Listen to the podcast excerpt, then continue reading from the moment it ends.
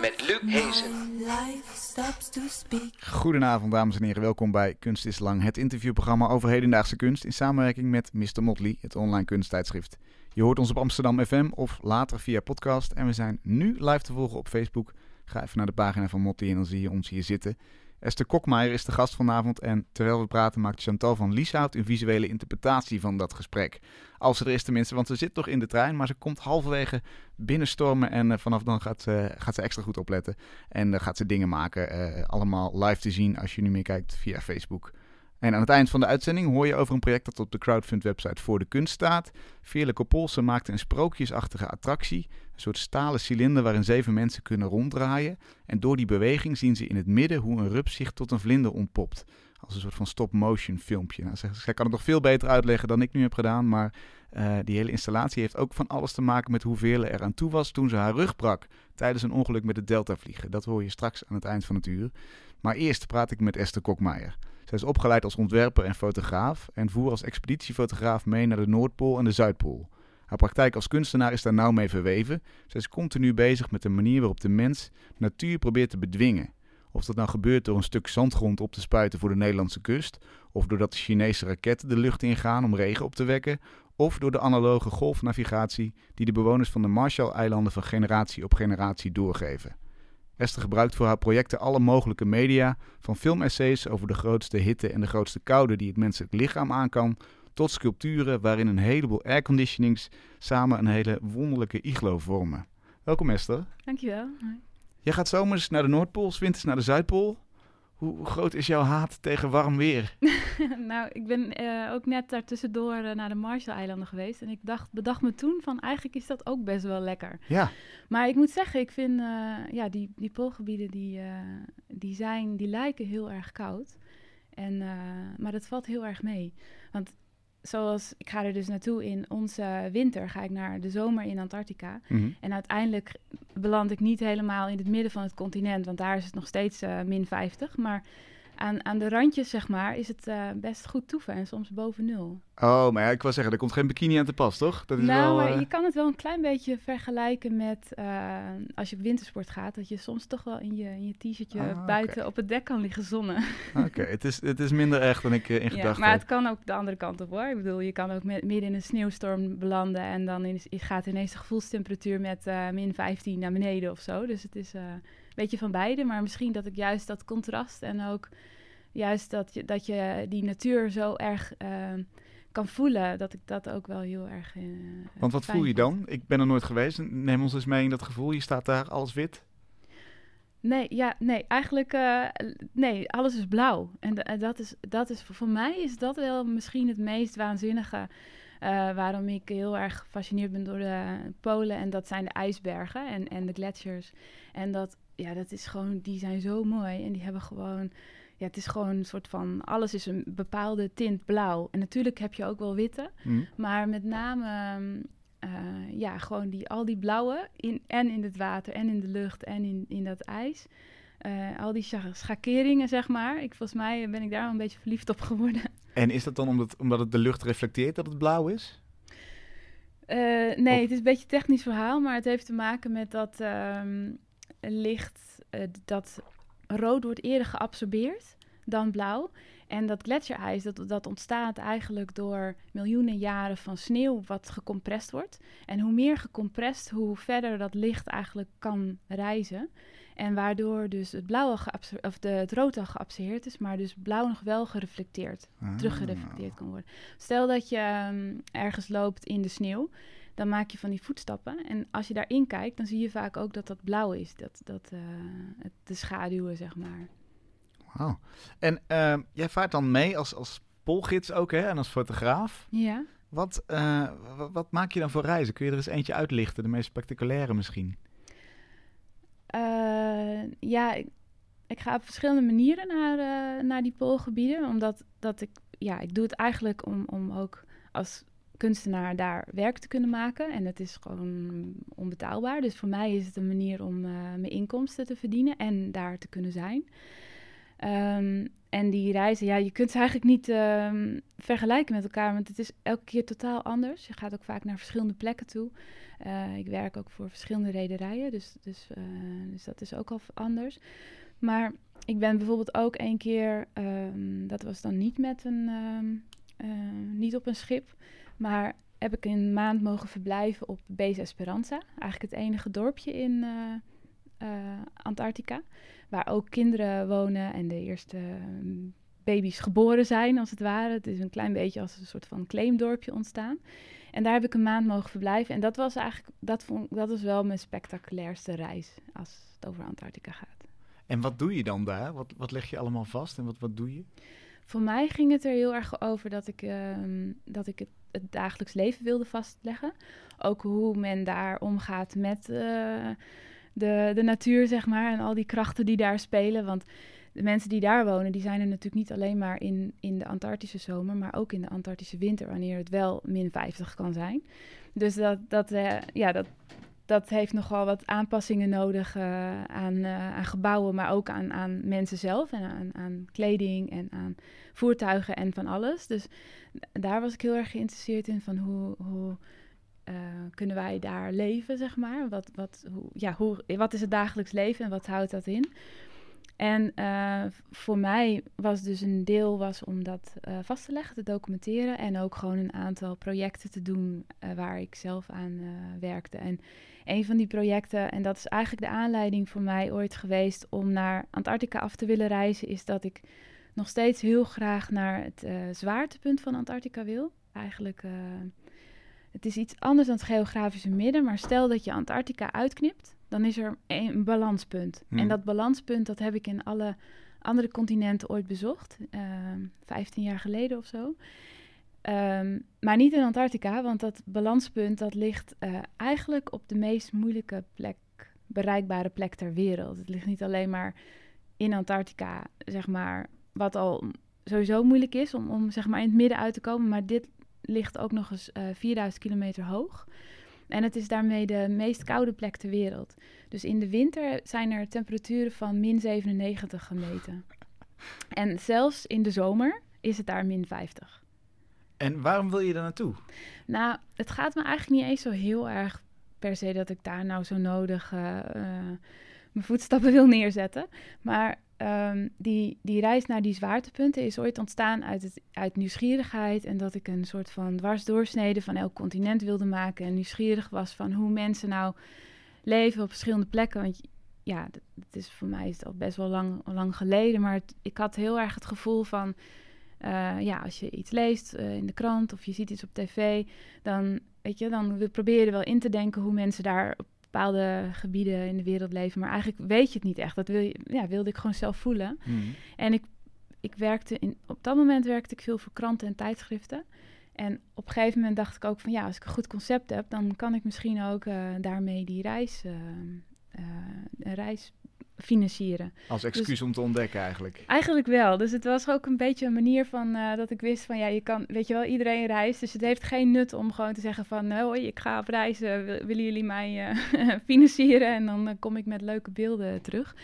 Dus dat was één onder, onderdeel. Maar uiteindelijk kwam het, kwam het veel meer van uit een soort van intrinsieke gevoel van ik, ja, ik wil gewoon een bepaald doel nastreven. En dat ik dat gewoon eigenlijk tot in, in tot bijna rigide toe ook heb willen doen. En dat juist ook een bepaald doel? interessant vind. Klinkt alsof het alles kan zijn? Uh, nou, in dit geval, zeg maar, vond ik het, vind ik het niet zo interessant om zomaar um, rond te reizen en te kijken waar je uitkomt. Maar gewoon te bedenken van, oké, ik wil hierheen. Eigenlijk is het een beetje een om, omgekeerde ontdekkingsreis. Want je, bepaal, je bepaalt een plek en dan is de ontdekking van hoe kom je daar. En in, da, in, op dat moment was, er, was Google Earth er nog niet. Dus ik had ook echt geen idee waar het was. Nu typ je die coördinaten in en dan weet je al hoe het eruit ziet. maar dat was toen nog niet zo. Maar. Ja. Precies. en dat was toen nog niet zo. En dat maakte me wel nieuwsgierig. En, maar het ging, bedoel, bijvoorbeeld het meest, voor mij de meest waardevolle was eigenlijk wel om het middelpunt van Afrika te, te bereizen. Dat ligt in Centraal-Afrikaanse Republiek. En ja, dat stukje grond, zeg maar, als je daar nu een foto van ziet, want ik heb van die vierkante meters, of ik heb daar een vierkante meter bezocht en daar, daar ook een soort van markering gemaakt, een tijdelijke markering. Maar als je daar een foto van ziet, dat is niet anders dan een stukje bos, zeg maar, wat ook in Nederland zou kunnen zijn. Gewoon Hmm. bladeren op de grond. Dus het gaat helemaal niet over. Het gaat meer om de symboliek eigenlijk. Dat, dat, plek, dat die plek eigenlijk een soort van hart, kern, plek is waar eigenlijk dat hele continent omheen draait. En ook hoe, hoe je daar dus komt. En ook ehm, dat het verhalen oplevert. Omdat je, je bent, je- ik voelde me op dat moment niet echt een toerist. Want je bent ergens naar op zoek. Je gaat ergens met een specifiek doel naartoe. En dan merk je ook dat je hele andere contacten met mensen eh, onderweg krijgt. Want je hebt een missie. Ja, je hebt een missie. En, dan, en ik merkte ook, en dat, daar, dat eh, raakte me heel erg eigenlijk. Dat ik vond het, ik vond het met name in Afrika vond ik best wel ingewikkeld. Want ik dacht van, wow, weet je wel. Ja, ik was toen, eh, ik, ja, niet dat ik nou zo rijk was, maar, maar wel zo rijk, weet je wel. Dat ik gewoon alleen al een paspoort hebben is rijk. En dat je daar naartoe kan. En dat je, bedoel, die hele reis heb ik samen met Gijs Bekenkamp ge- gemaakt. Maar we hebben altijd... Wie is dat? Ehm, eh, hij was, zat op dezelfde academie als ik. Kunstenaar ook. Kunstenaar, ja. ja. En ehm, we hebben altijd, zeg maar, gereisd zoals de lokale bevolking. Dus eigenlijk gaven we per dag bijna niks uit. Gewoon veel minder dan we in Nederland zouden ui- uitgeven. Dus eh, we sliepen vaak op, eh, op het dak van iemand of eh, in een tentje of gewoon, gewoon waar, waar we maar konden slapen, zeg maar. Maar uiteindelijk ben je wel heel rijk natuurlijk, want wij kunnen daar natuurlijk wel naartoe. Dus ik dacht van, ja, misschien wordt, ja, hoe doelloos is dat eigenlijk, dat je Mhm. dat doet. Maar wat, wat me heel erg raakte was dat toen ik daar aankwam, dat je merkte dat die mensen eh, daar zo, ja, dat zij dat juist in Afrika heel erg snapten en dat heel erg waardevol vonden. Het idee van, wow, wij, wij zijn het midden van heel Afrika. En dat ze bijvoorbeeld, ehm, eh, ja, het was in dit geval best wel moeilijk om te bereiken. Dus het laatste stukje moesten we met een klein eh, brommertje door de bossen. En dan kwamen we bij een klein dorpje uit. En dan zijn nog twee mannen met ons meegelopen. Maar die gingen bijvoorbeeld markeringen in de bomen maken. Om dat pad, zeg maar, terug te kunnen vinden. En ja, het is nu 15 jaar geleden of 16 jaar geleden. En elke keer denk ik van, oh, ik zou niet verbaasd zijn als, we, als ik daar nu weer terug zou gaan. Als, dat, als die markering er nog is. Of dat daar iets is. Iets van bijna een soort van. ehm, ja, het, is, het heeft bijna iets, eh, eh, iets mythisch of zo voor, voor mensen daar, denk ik. Mhm. Gewoon zo'n zo'n midden. Veel meer, het spreekt nog veel meer dan voor ons. Alhoewel, later ik een reis gemaakt naar het midden van alle landen van de Europese Unie. En ook zelfs daar merkt, merkte ik dat de, ehm, het huis heb ik daar bezocht op het exacte midden. Dat mensen daar eh, het ook interessant vonden dat, om te weten van... oh, wij zijn de middelste bewoners van ons land. Maar eigenlijk, jouw werk gaat heel erg over de verhouding tussen de mensen en, en zijn natuur. En hoe die grip en controle krijgt op die natuur. Ja, Het midden is natuurlijk een totaal irrelevant concept. Eigenlijk het midden van iets zijn. Het heeft in zichzelf geen betekenis. Ja, Eh, en en Ja. toch is dat een manier om ineens grip te krijgen op een heel continent of een heel land of een stad. Waar je maar het midden van zoekt, ja. eigenlijk. Wat is dat voor rare, rare dwang van ons dat we daar controle over willen hebben? Ja, of controle. Ik weet niet. Het heeft, eh, wat ik zelf heel, eh, zelf heel interessant vind en wat ik altijd, waar, waar ik een beetje achter ben gekomen, dat is, dat is bijna een beetje zo ontstaan. Ik werk heel veel samen met wetenschappers, in dit geval ook. Dat Jean George, Af, Jean George Afholder, een eh, professor eh, eh, van het IGN in, Fr- in Frankrijk, heeft toen op de vierkante meter nauwkeurig die berekeningen gemaakt. Dus dat is niet iets wat ik zelf zo bedacht heb, maar het is echt een wetenschapper die daar gewoon eigenlijk volgens mij meer dan een half jaar mee bezig is geweest. Maar tegelijkertijd, dus het is heel exact, maar tegelijkertijd vind ik ehm, het mythische of ehm, het mystieke, zeg maar, vind ik ook heel interessant. Dus ik merk dat ik heel veel projecten waar ik mee bezig ben, dat dat eigenlijk, dat, dat ik juist een soort van, de- dat het raakvlak tussen wetenschap en mystiek of zo aan het opzoeken ben. En wat is daar dan mystiek aan? Kun je dat eens uitleggen? Wat is mystiek aan het middelpunt? Ja, dat idee, dat kan ik niet uitleggen, want dat weet, dat weet ik ook niet. Maar ja, ik, heb, ik merk wel dat iedereen een gevoel heeft bij zo'n middelpunt. Misschien is het deels dat je het je kan voorstellen. Want je, bedoel, als, als ik tegen jou zeg eh, Antarctica en dan in het midden, dan heb je er al meteen een beeld bij. Dus het is een soort van voor, voorstelbaar. Mhm. Dus dat. Dus daar begint Maar- het grip krijgen eigenlijk Ja, al. dat is het. Ja. precies.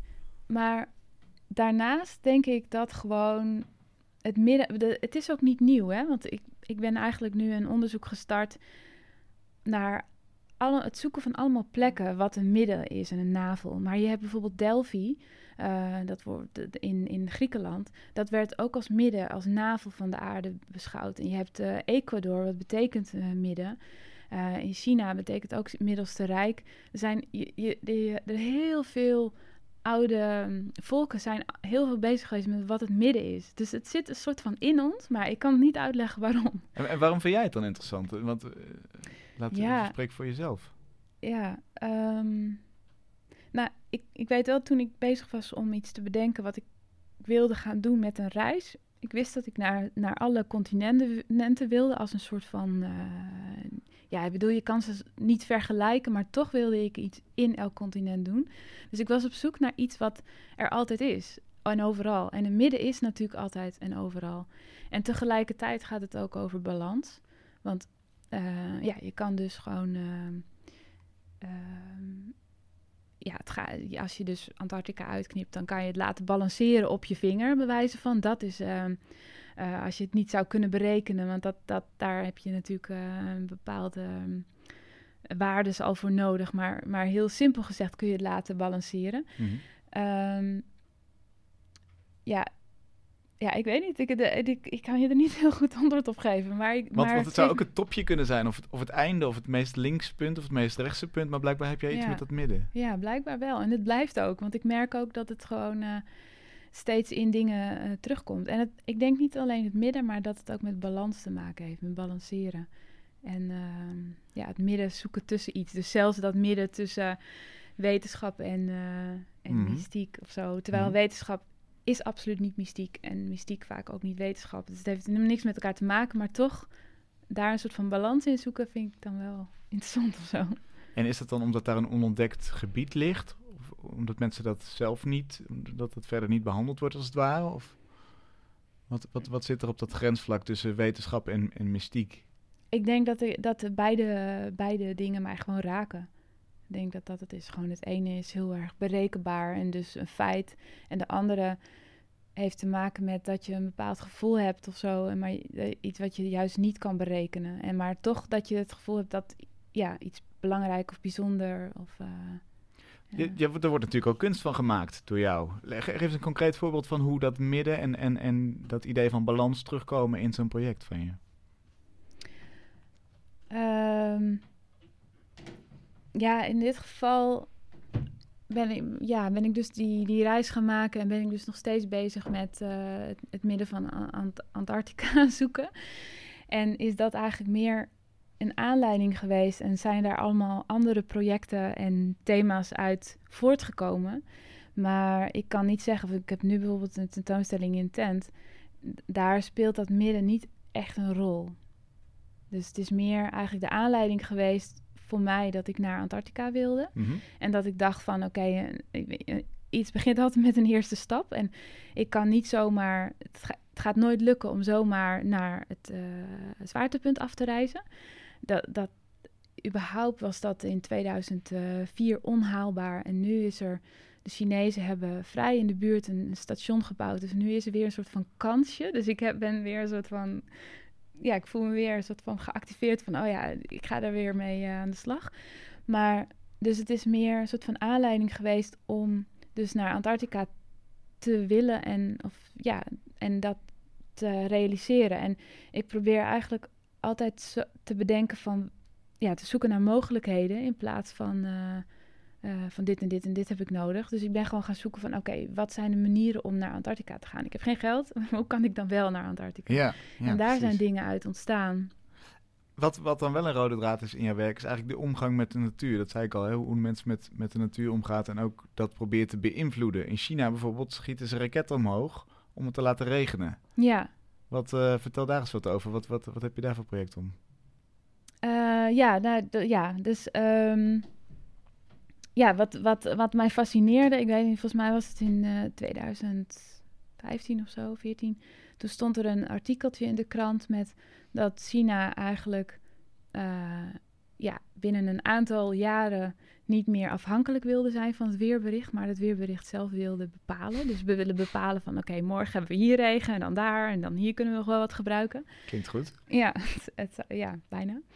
En eh, dat vond ik wel fascinerend. En toen ben ik daar een beetje ingedoken. En ja, nou ja dan, dan vind je ook als je dingen online gaat eh, intoetsen van eh, cloud seeding en bijvoorbeeld Olympische Spelen, dan, dan vind je ook dat ze bijvoorbeeld tijdens de Olympische Spelen zijn er 7000 raketten de lucht ingeschoten om het te laten regenen voordat die regen bij eh, dat nest kwam. Dus zodat het in het nest niet ging regenen. Het nest is... Ja, de, met de Olympische de Spelen Spelen hadden ze zo'n eh, nest gebouwd, wat dan open was. Dus heel, heel tricky eigenlijk om, om eh, een- plek te maken waar heel veel sport zich afspeelde. Maar, maar ja, de Chinezen hadden zoiets. Wij kunnen dat, want wij kunnen gewoon die regen. We kunnen ervoor zorgen dat er geen regen komt. Nou, dat hebben ze. Een soort raketscherm waar, waar eigenlijk de, de, de wolken worden weggeschoten zodra ze in de buurt komen. Ja, met cloud seeding werkt het eigenlijk anders. Want je, je, je, ze sturen een raket de lucht in en die spreekt eigenlijk bepaalde soort zout, eh, natriumachtige substantie. Er zijn verschillende, verschillende soorten van. En ja, ik zeg maar kort gezegd, dat zout trekt eh, eh, vocht aan.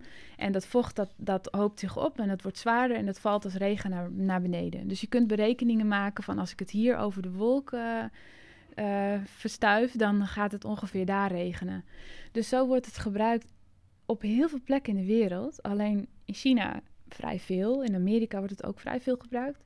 En het wordt ook ingezet op verschillende manieren. En ik, ik wil eigenlijk proberen niet te moralistisch te zijn in mijn werk. Al heb ik meestal wel ergens een mening over. Maar het wordt, ja, het wordt gebruikt ook op manieren die bijvoorbeeld weer levens redden. Dus bijvoorbeeld in Jakarta was ehm, een aantal jaar geleden waren er hele heftige overstromingen. En er kwamen nog veel meer wolken aan. En toen hebben ze dus, ja, toch voor die, voordat die wolken bij Jakarta waren, konden ze laten uitregenen boven de oceaan. Ja. Dus, eh, weet je wel, dus dat, ja, het heeft, ja, je kunt er van alles mee doen, zeg maar. En hoe, hoe vertaal je dat naar een, naar een werk? Dit gegeven. Eh, nou, in dit geval, ehm, eh, ik, ik het was best wel, ik- ben, was uitgenodigd door het Mondriaan Fonds om half jaar een residentie te doen in Beijing. En wat heel lastig is, het is best wel een controversieel onderwerp. Dus het is niet zo dat je daar zomaar eventjes eh, eh, de Chinese KNMI binnen kan lopen en zeggen van nou, vertellen jullie eens even hoe dat werkt. Dus ik heb, ben eerst begonnen met allemaal andere werken. En wat ik bijvoorbeeld als, als voorbeeldje van een ander werk is dat eh, als je in China bent, dan zie je in portiekjes zie je allemaal stempels staan met een telefoonnummer en een tekstje. En ik heb die stempels en die telefoonnummers, dat zijn eigenlijk advertenties voor een loodgieter of iets in en rondom het huis eigenlijk. Dus ehm, Mhm. als je een timmerman nodig hebt, dan kun je die bellen en eh, loodgieter die. En toen heb ik een stempel gemaakt met, ehm oh, ik weet niet meer de exacte tekst, maar iets van summon wind, call for rain, disperse fog. Dus eh, verplaatsen van de wind, regen vragen. Ja, wij willen meestal niet regen, maar in China willen ze heel graag regen vaak. Mhm. Eh, dus eh, vragen om regen en disperse fog. ehm eh, fog is eigenlijk, wij zeggen mist, maar mist in, in, in China heb je natuurlijk heel veel smog. En voor smog is geen naam. En dat heeft natuurlijk ook een reden. Dat is ook een beetje om het te verbloemen. Dus smog heet ook gewoon mist. Dus disperse fog, wat eigenlijk eh, het verwijderen van smog is. Ja. En daar heb ik een telefoonnummer onder geplaatst. En die op heel veel portiekjes gestempeld. Eh, in dezelfde vormgeving als al die andere ehm, eh, ja, advertentietjes, Mhm. zeg maar. Mhm. En dat telefoonnummer was een werkende, werkend nummer.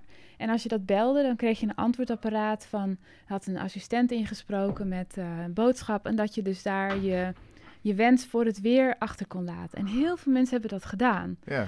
En het, dit klinkt eigenlijk heel erg eh, science fiction, maar ehm, uiteindelijk ge- is dit dus wat er letterlijk gebeurt in China, omdat eh, als je een, een grote boer bent, zeg maar, een eh, herenboer, en je hebt, veel, je hebt een beetje geld en veel land en, en jouw eh, akker is aan het uitdrogen, dan, ehm, ja, en je hebt regen nodig, dan bel, Bel je even, gewoon de ja. gemeente en dan komen ze even langs met een raketje of een vliegtuigje. Maar je zegt, ik heb hier een mening over. Vind, je dit een slechte ontwikkeling? Nou, ik weet ik niet. Ik, sommige dingen wel. Ik bedoel, als je als je heel erg gaat ingrijpen in de natuur, kan het ook consequenties hebben. Ja, maar dit concreet dit, het, laat, het laten regenen. Het laten regenen. Nou, uh, het is wel een beetje zoute regen bijvoorbeeld. Wat gaat dat in de loop der jaren doen? Want er komt ook zout mee naar beneden. Uh, en dan heb je ook nog de politieke uiting hiervan. Is dat in China bijvoorbeeld in het noorden van China is het vrij droog en wordt het heel veel toegepast. Maar die wolken zijn eigenlijk onderweg naar Mongolië. Dus die, ja, ja. dus eigenlijk is het een beetje wolken. Precies. Ja. Dus we zijn natuurlijk ooit begonnen met ons uh, om, om een onderverdeling te maken, niet in land, maar in het aantal dieren wat je mocht uh, schieten. En daarna zijn er landgrenzen gekomen. En er zijn wel luchtgrenzen, maar die, die, heb, die gaan niet over wolken. Maar ik kan me wel voorstellen dat op een gegeven moment als zoiets ja, gebeurt, dat dan wel, ja. Wauw, een wolkenoorlog. Ja, ja. Nou ja, en wat, wat ik ook wel frappant vind, en, en dat, dat is dan wel weer, vind ik wel weer grappig, want zo'n raket ziet er precies hetzelfde uit als een normale raket. Mhm. En ja, je vroeg net naar welke, welke werk ik dan gemaakt heb. Ik ben dus ook weer teruggegaan naar, naar China om omdat ik wist waar ze die raketten gingen gebruiken en welke bergen ze, ze, ze werden geschoten. Dus toen ben ik uh, uh, ben ik zo'n berg gaan uh, bewandelen, zeg maar, over gaan steken om zo'n raket te zoeken. Toen dacht ik van, ik wil soort als een artefact wil ik die meenemen naar Nederland. Als bewijs. Als bewijs, inderdaad. Dus ik heb zo'n, nou, het duurde wel even, maar ik heb er dus uiteindelijk echt een gevonden. Had ik niet helemaal verwacht. Ik had zoiets van, van nou ja, weet je wel, het gaat over de, de actie, het doen en dan de verhalen die je krijgt. En heel veel mensen gesproken, mensen geïnterviewd. En dat was eigenlijk al interessant genoeg. Alleen toen was er ook nog die ineens die raket. En toen dacht ik wel van wow, dit is heftig. Om hem te zien ook. Het is echt zo'n raket. En tegelijkertijd dacht ik ook, oh, nu heb ik ook een probleem. met hoe krijg je die dus naar Nederland? Hmm. Maar ja, voor als een werk, dus in een museum had ik, uh, die hadden mij gevraagd, of die hadden mij zeg maar, uh, ja, noem je dat, erop uitgestuurd. om, om de, dus ik, ik moest wel iets mee terugnemen om ook daar in dat museum als artefact te kunnen tonen. Dus ik heb hem in, uh, in drie stukken laten zagen. En uh, een, een, een, vriend die ging naar Frankfurt, die heeft het uh, staartstuk meegenomen. En dan de andere twee stukken heb ik zelf in mijn ene in een ruim bagage en in de andere in mijn handbagage meegenomen. Maar het was toch wel een beetje een soort van. ja. Spannend. Ja, spannend. Ja, kan ik me voorstellen.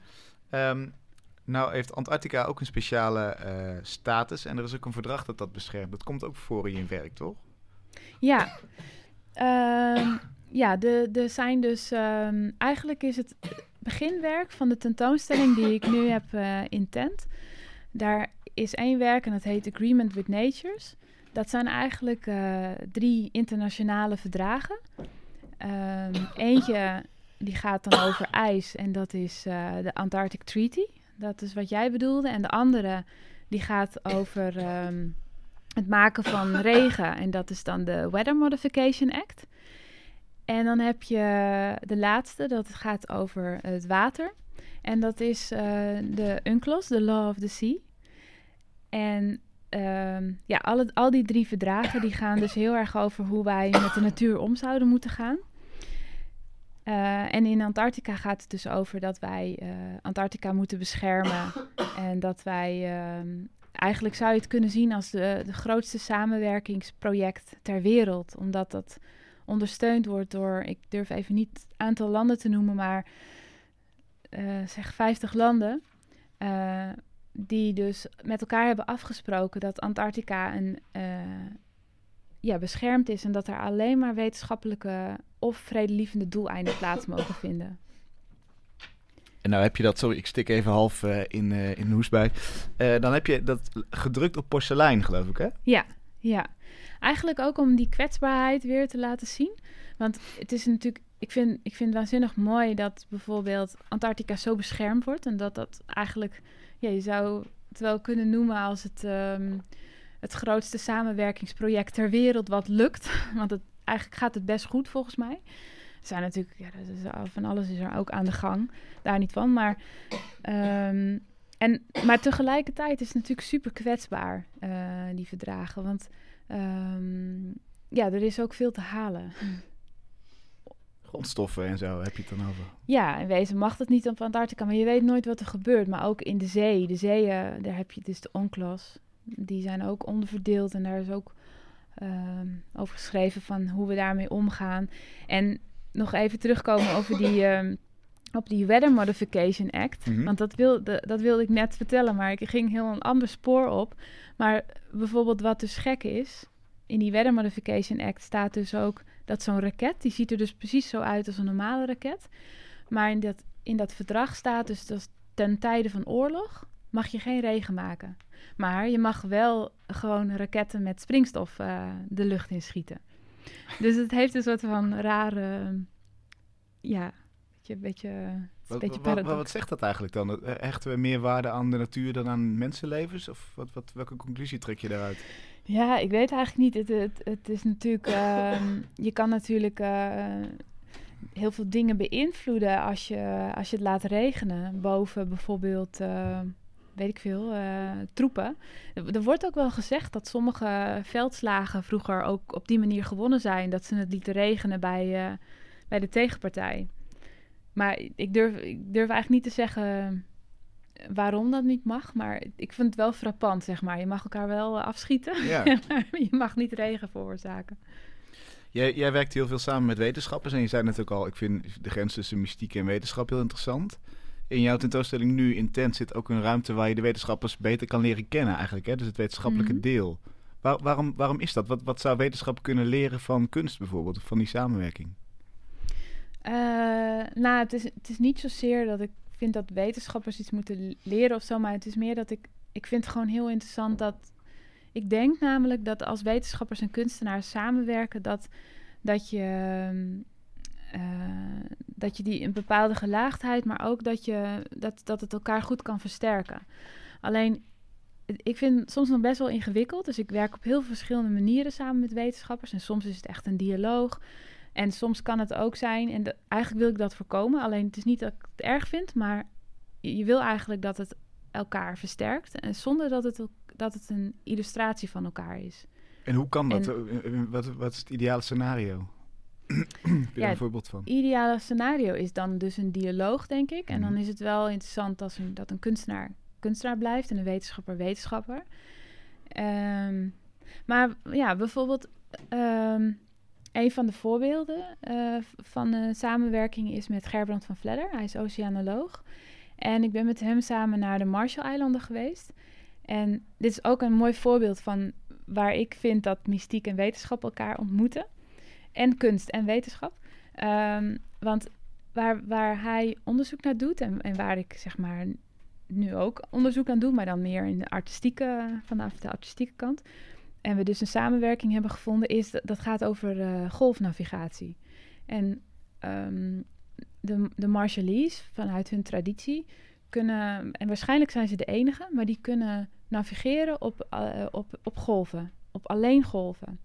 Dus natuurlijk navigeren ze ook op sterren en op eh, de maan, zon, eh, vogels, eh, wolken, al, al dat soort dingen. Maar ze zouden ook zonder al die dingen, dus stel je nou, haalt het allemaal weg, je, er, er zijn geen sterren te zien. ehm, nou ja, de- je haalt het allemaal weg, dan Mhm. kunnen ze nog, zeg maar, door, door de golven te lezen, kunnen ze weten waar een eiland is en waar ze zich bevinden.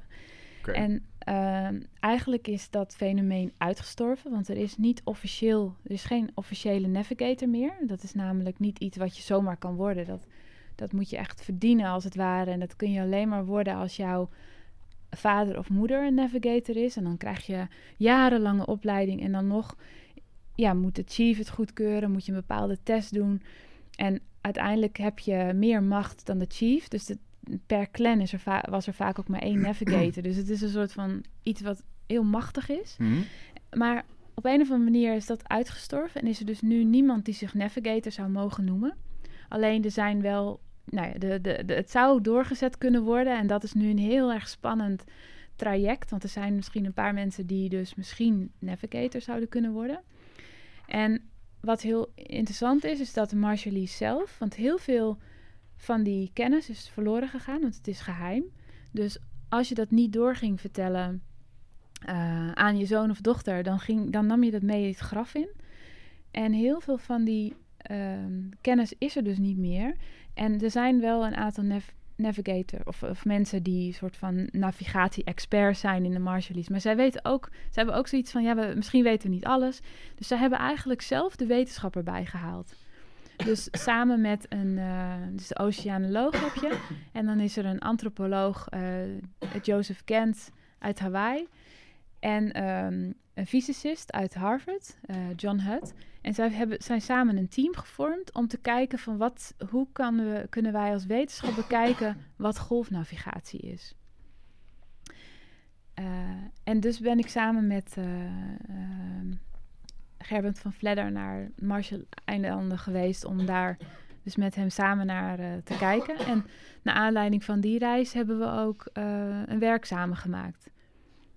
En wat is dan specifiek de, de, de artistieke koers? Want je zei die kunnen elkaar versterken, de wetenschappelijke en de artistieke. Ja. Waar zit dan jouw specifieke element? Uh, nou, het werk wat we samen gemaakt hebben bijvoorbeeld is een installatie waarin uh, objecten opgehangen zijn die te maken hebben met die golfnavigatie op een muur.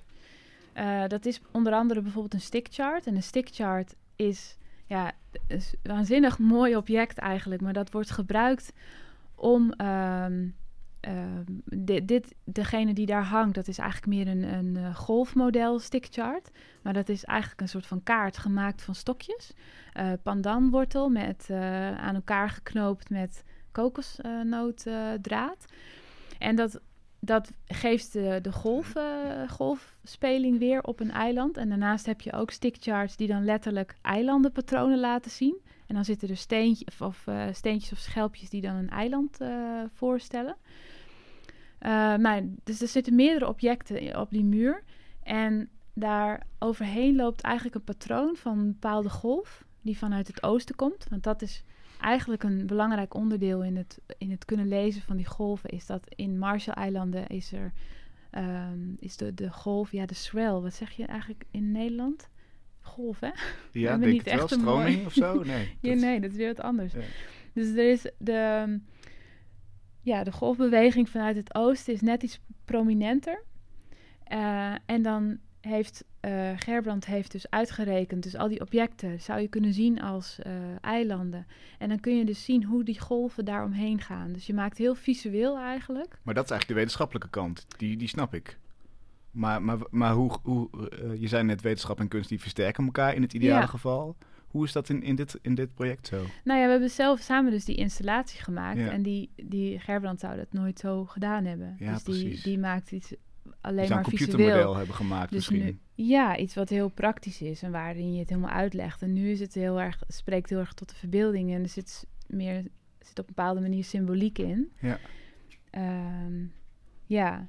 En een ander installatie die ik daar gemaakt heb, dat, dat zijn um, uh, zes hangmatten die in elkaar gevlochten zijn. Eigenlijk twee banen. Het is eigenlijk een kruis. Dus de middelste, daar zitten twee hangmatten die over elkaar heen hangen in een kruis. Maar die hangmatten die zijn, staan weer in verbinding met elkaar. En als je dus in die hangmat gaat liggen en je, je gaat heen en weer. Als je alleen daarin ligt, ga je natuurlijk maar één kant op. Maar als er op andere hangmatten ook iemand ligt, dan verandert dus jouw beweging. Dus je gaat dan niet alleen maar van rechts naar links, maar misschien ook een beetje schommelend.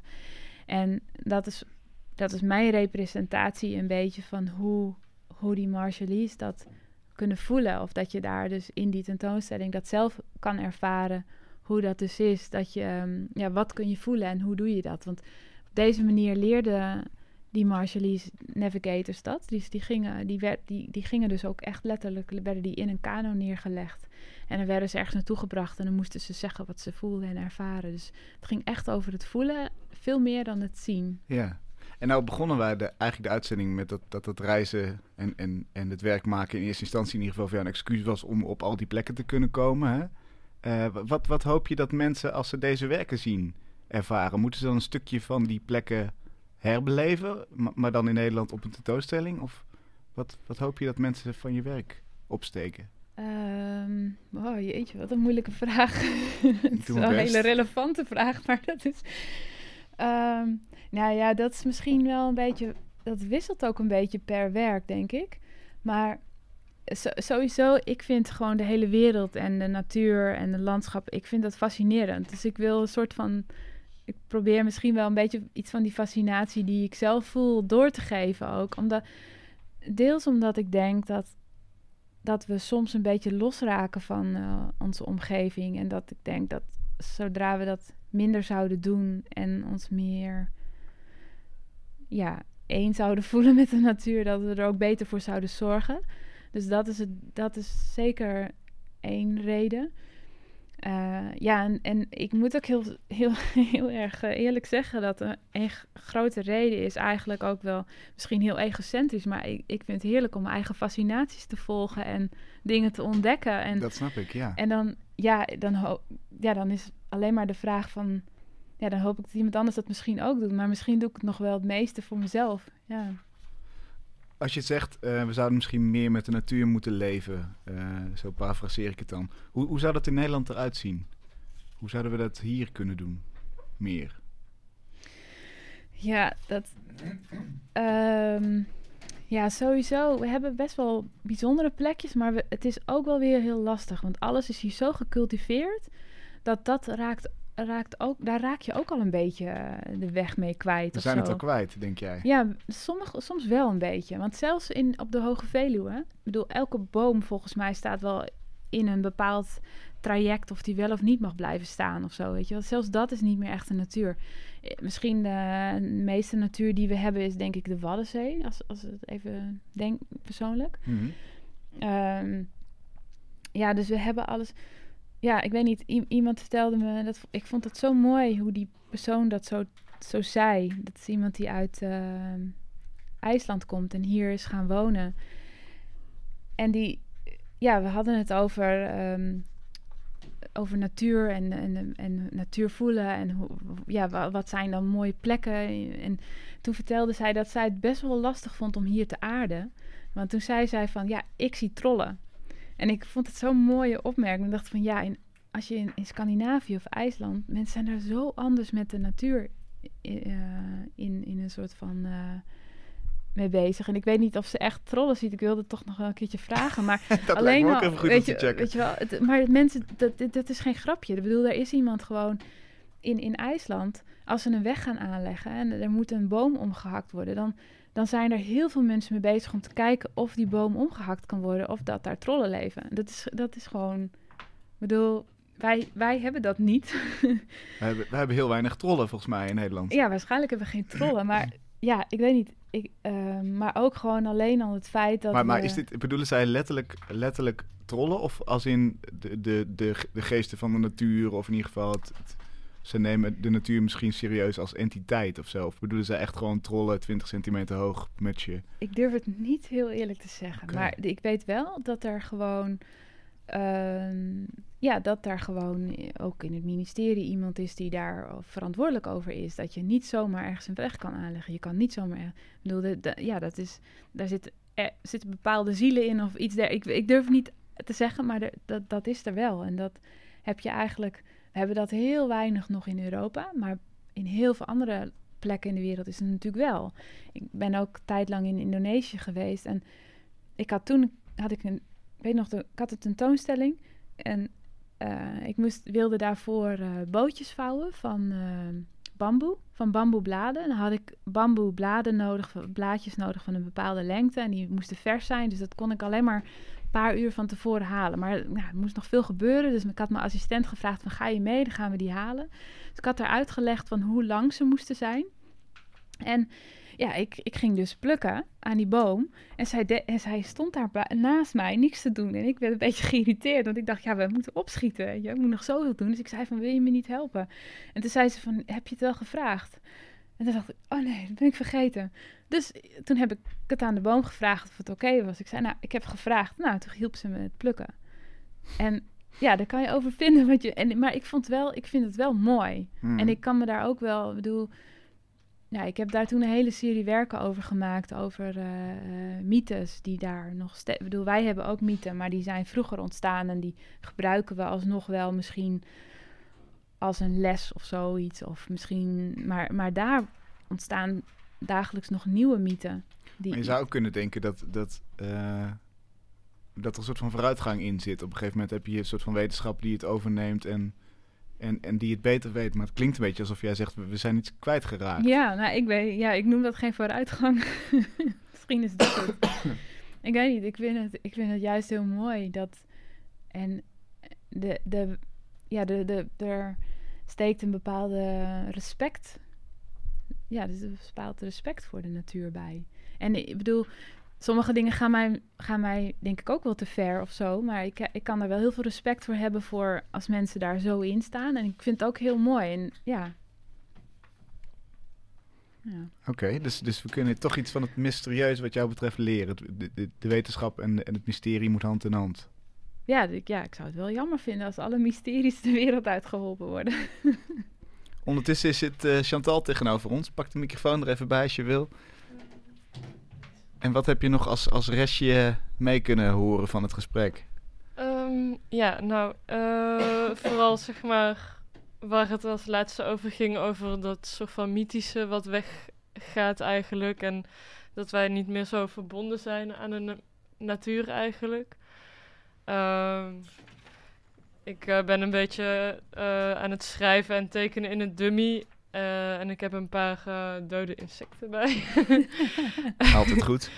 En, Wat heb je geschreven eh, Ik heb bijvoorbeeld hier een vlinder eh, eh, met bloed. We lost the magic.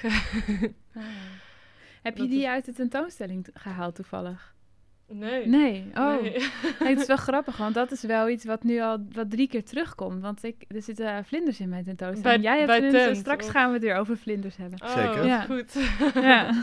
ja, ik ben er nog niet geweest, nee. Maar 7 september eh, ga ik ook even kijken.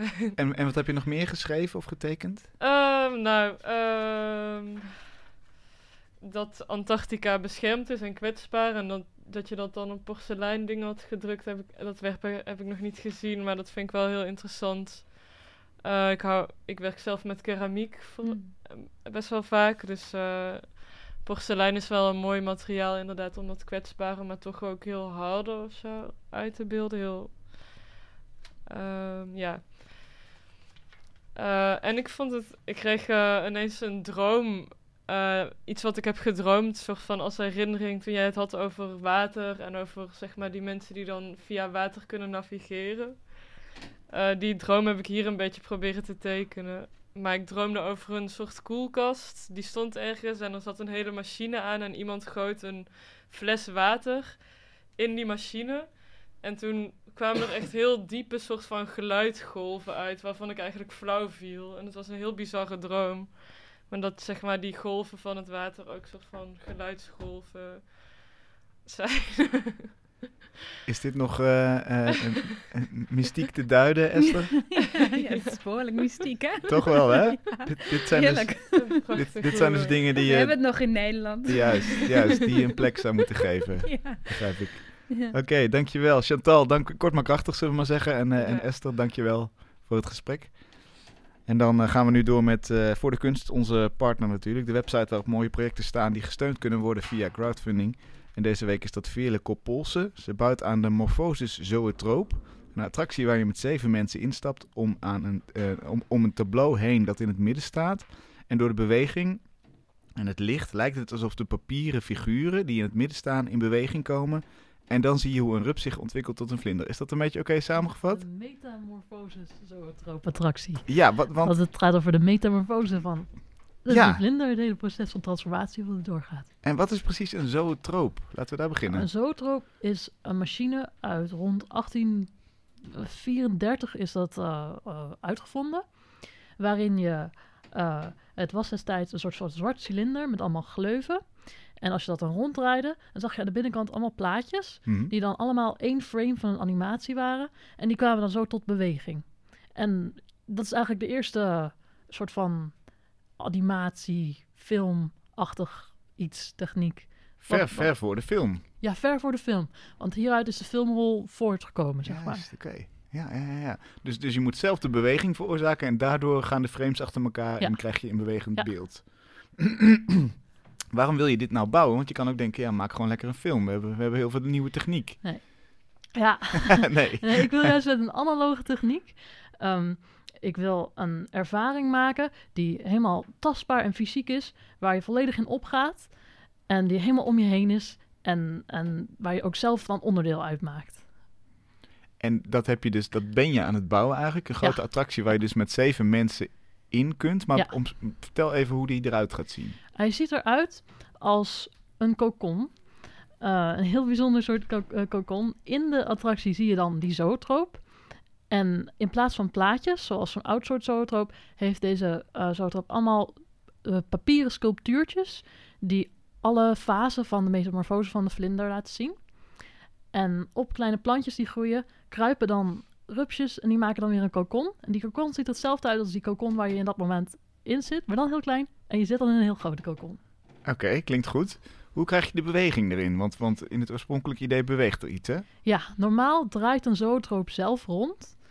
Ehm draai je zeg maar die zootroop rond. Maar in de attractie die ik ga maken, wat uniek eraan is, is dat jij jezelf om die zootroop heen draait, die 3D-zootroop.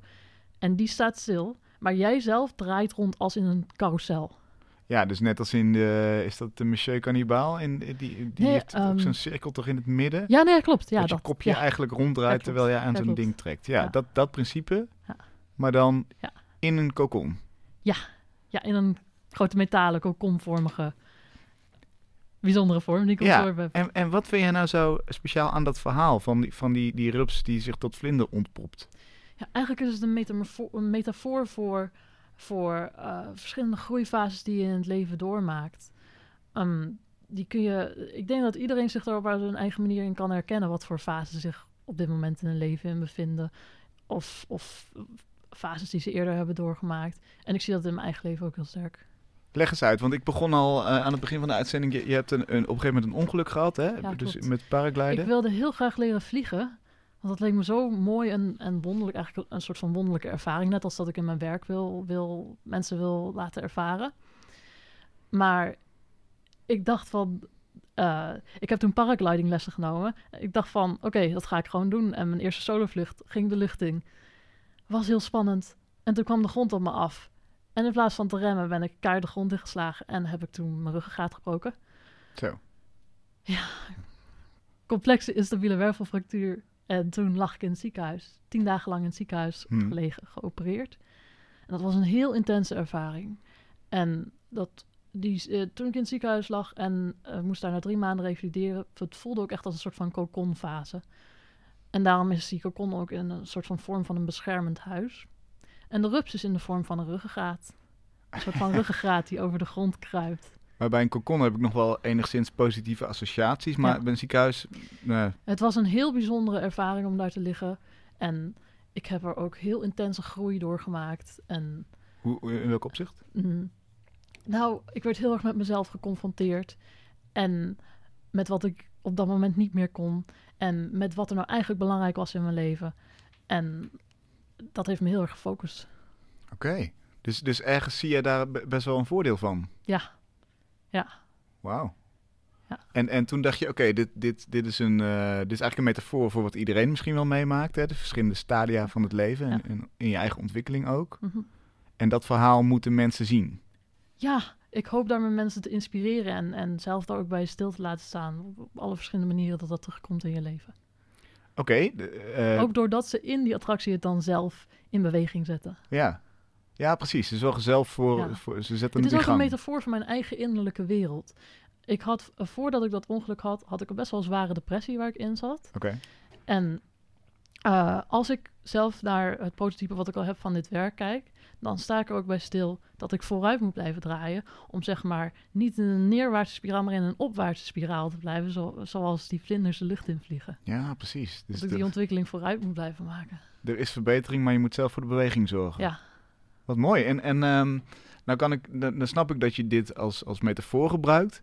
Maar niet iedereen bouwt zomaar een attractie. Hoe kom je dan op dat idee? Nou, ik eh, liep tijdens mijn opleiding illustratie aan de Willem de Koning Academie stage ehm, bij de Efteling. daar heb ik heel hard voor gewerkt om daar terecht te komen. En, Kijk. en, en, het, en daar heb ik zoveel toffe dingen meegemaakt. En het was echt heel, heel leuk om naar stage te mogen lopen. En terwijl ik daar stage liep, eh, werkte mijn stagebegeleider aan het ontwerpen en bouwen van Baron 1898, de grote attractie toen, die ze toen dat jaar lanceerden. En eh, dat, daar, daar heb ik veel mee gekregen over hoe ze, hoe ze dat dan aanpakten. En ook door alle eh, mooie, wonderlijke ervaringen die je daar kunt beleven, die, om die constant omheen te hebben. Dat was ook heel inspirerend. Dus jij dacht, dat wil ik zelf ook. Daar wil ik mijn Ja. eigen versie van. Ja, ja dat, heeft me, dat heeft me ook op dat idee gebracht. Tegelijkertijd met een aantal eh, maanden daarvoor zag ik op een tentoonstelling voor het eerst een driedimensionale zootroop. Met allemaal sculptuurtjes die dan tot leven kwamen. En dat zag er zo levensecht uit. Ik dacht van, zoiets wil ik maken. Het wordt enorm veel werk, maar ooit wil ik dat. en ik was er met een, paar klasgenoten en die lachten we uit. maar ik, ik, ik was er helemaal op, op, eh, op gefixeerd dat ik dat uiteindelijk zou willen. Als ik daar een idee voor zou hebben van hoe ik dat helemaal in mijn eigen stijl en mijn eigen wereld zou kunnen. En dit is dat idee wat ik nu aan het uitvoeren ben. Je, je zegt je eigen stijl. Je hebt een paar Ja. vlindertjes voor je liggen. Wat is dat voor stijl? Ehm, heel elegant, eh, realistisch, maar tegelijkertijd ook surrealistisch. En deze vlinder ook, eh, de rups is in de vorm van een ruggengraat. Maar deze vlinder heeft het skelet van een mens. Hè? En hier zie je dan je, kleine ribbetjes. En kleine pootjes die dan als, als gewoon een skelet zijn. Ah. En met een schedeltje. Leg, er even eentje hier daar zo neer. Dan kan de camera aanpakken. Hier? Eh, iets meer. eh, ja, daar. ja, perfect. Wauw. En ehm, Dus de, je hebt de hele metafoor heb je ook echt in het ontwerp doorgetrokken. Ja, ja. En sowieso alles wat ik, wat ik heb meegekregen uit mijn jeugd, wat mooi is, Art Nouveau. Schitterend. Ik, ik kan niet wachten tot, tot ik erin kan kruipen. Wat, wat moet er nog gebeuren?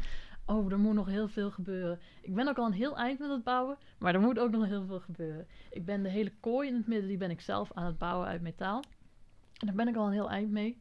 Ik, ik post ook op mijn Facebook en, en eh, Instagram steeds progress foto's voor voortgangfoto's. Dus als, als je dat interessant vindt, kun je dat zien.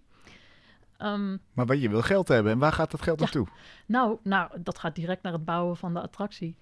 Ehm, want ja, inderdaad, als je, als je gewoon bijvoorbeeld tekeningen maakt als, als, je uit, als je kunstuiting, dan heb je daar niet zoveel kosten aan. Maar als je een attractie wil bouwen, dan kost dat gewoon heel veel geld. Wordt het te lasser? Is het het metaal? Wat gaan ja, we voor je betalen? wordt uit. eh, wat? Wat gaan we voor je betalen? Ja, het wordt grotendeels eh, gelast uit aluminium. En eh, dat doe ik niet zelf. Dat wordt door, door, in, in Warmond door Johan Heemskerk gedaan. Die heel briljant is in het maken daarvan. En ehm, eh, ja, ik maak zelf dan al die papieren figuren die dan in die kooi zitten en, en de kooi zelf. En dat is ook heel, veel- heel veel werk. En, en daar ben ik al mee bezig. En eh, het wordt al heel mooi. Het wordt schitterend. Maar ik heb nog wat geld nodig om, om het nog verder van de grond te krijgen. Heel goed. Voor de, voor de allerlaatste restjes. Ik, Veerle, ik wens je heel veel succes. Ga naar Voor de. Kunst en eh, zoek op. Metamorphosis, zootroop-attractie van Veerlijke Polsen. Ja, Veerle is dan misschien het makkelijkste keyword uit, eh, uit die zin die je net Ja. uitsprak. Tenminste, ik weet niet hoe Nou, je zo erop... Oh. Ja, oh, attractie mag ook natuurlijk. Heel veel succes. Dankjewel. Dankjewel. Leuk dat je er was. Dit was Kunst is Lang voor deze week. Ga naar mrmotley.nl voor meer informatie over het werk van Esther. En dan zie je ook wat eh, Chantal hier eh, live maakte. We zijn er volgende week weer en dan zit Dick Tuin er hier. Heel graag, tot dan.